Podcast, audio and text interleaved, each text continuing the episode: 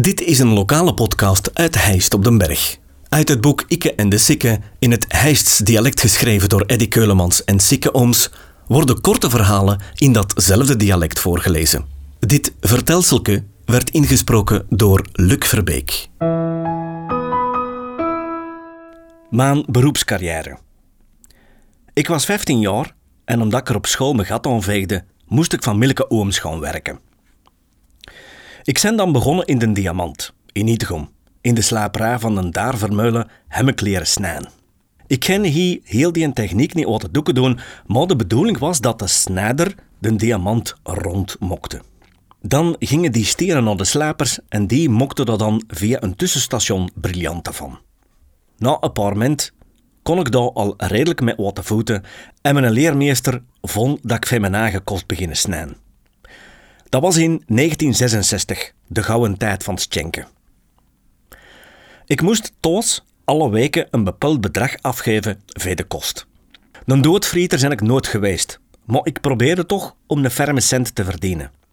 Wel weer per stuk beteld, dus hoe meer stenen dat je mokte, hoe meer dat je verdiende. Dus gaf ik elke vrijdag mijn envelopje aan ons moeder en die pakte er dan het kostgeld uit en de rest was van. Ik had dus altijd wel een ferme cent over. Na een tijdje kon ik goed mijn kost verdienen.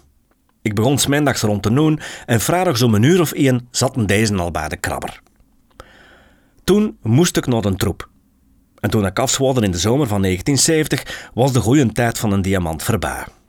Ik zat meer zonder werk dan wat anders.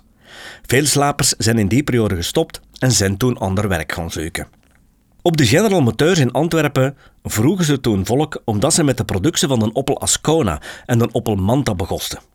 Dat was daar ploegenwerk en ik stond aan de band in de afdeling van de zetels. Het is te zeggen, wel de zetel van de passagier, dat waren allemaal aparte lijnen.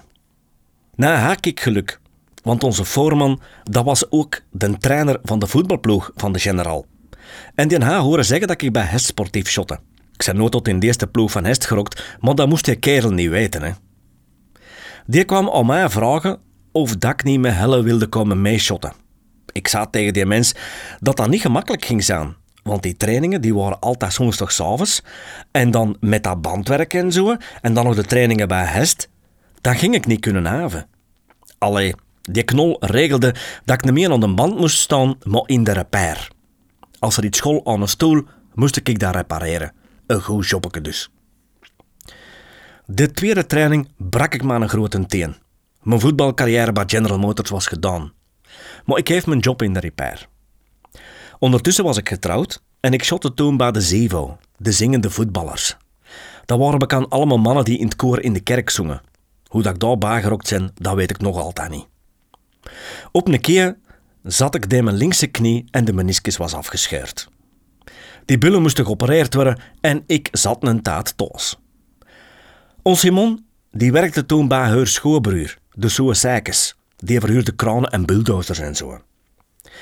In het begin had je een paar gasten, maar die zaak die weer groter en ze vroegen om mij of dat ik niet een paar dagen met een wals kon gaan werken. Ik dacht, wat gaat dat werken? Want ik had nog nooit een wals van dichtbij gezien. Maar ja, om die mensen uit te helpen, ging ik eerst een dag met dat spel rondrijden op de depot in Overijse. Na viel dat zo mee, dat ik toen ik uit de ziekenkast kwam, bij de general mijn dagen opzij en ik begon op de travo te werken. Dat was een schone tijd. Altijd boten, gekost veel hurkes doen en dat was veel plezanter dan in dat fabriek. In 81 kreeg ik dan een accident. Lang moeten revalideren. Terug gaan werken, hervallen, terug een operatie, wij gaan proberen. Maar op den duur hebben ze alles wat in mijn knie zat eruit gehaald. Dat was allemaal in de fledder. Dat travauwerk, dat ging meer.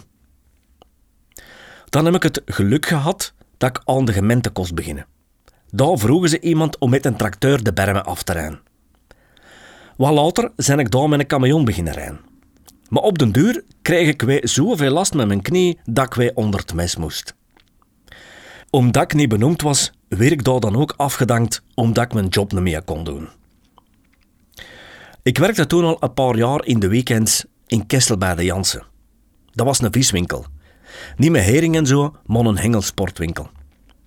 Daar ben ik dan voltijds kunnen gaan werken en daar heb ik dan gewerkt totdat ik op pensioen gegaan ben. Ondertussen was ik alleen gerokt en iemand van de pensioendienst had mijn geval eens nagekeken. Ik heb 44 jaar gewerkt en ik kon vol pensioen trekken. Toen heb ik niet getwijfeld en ik geniet na van mijn welverdiende rust in het land van de vikings.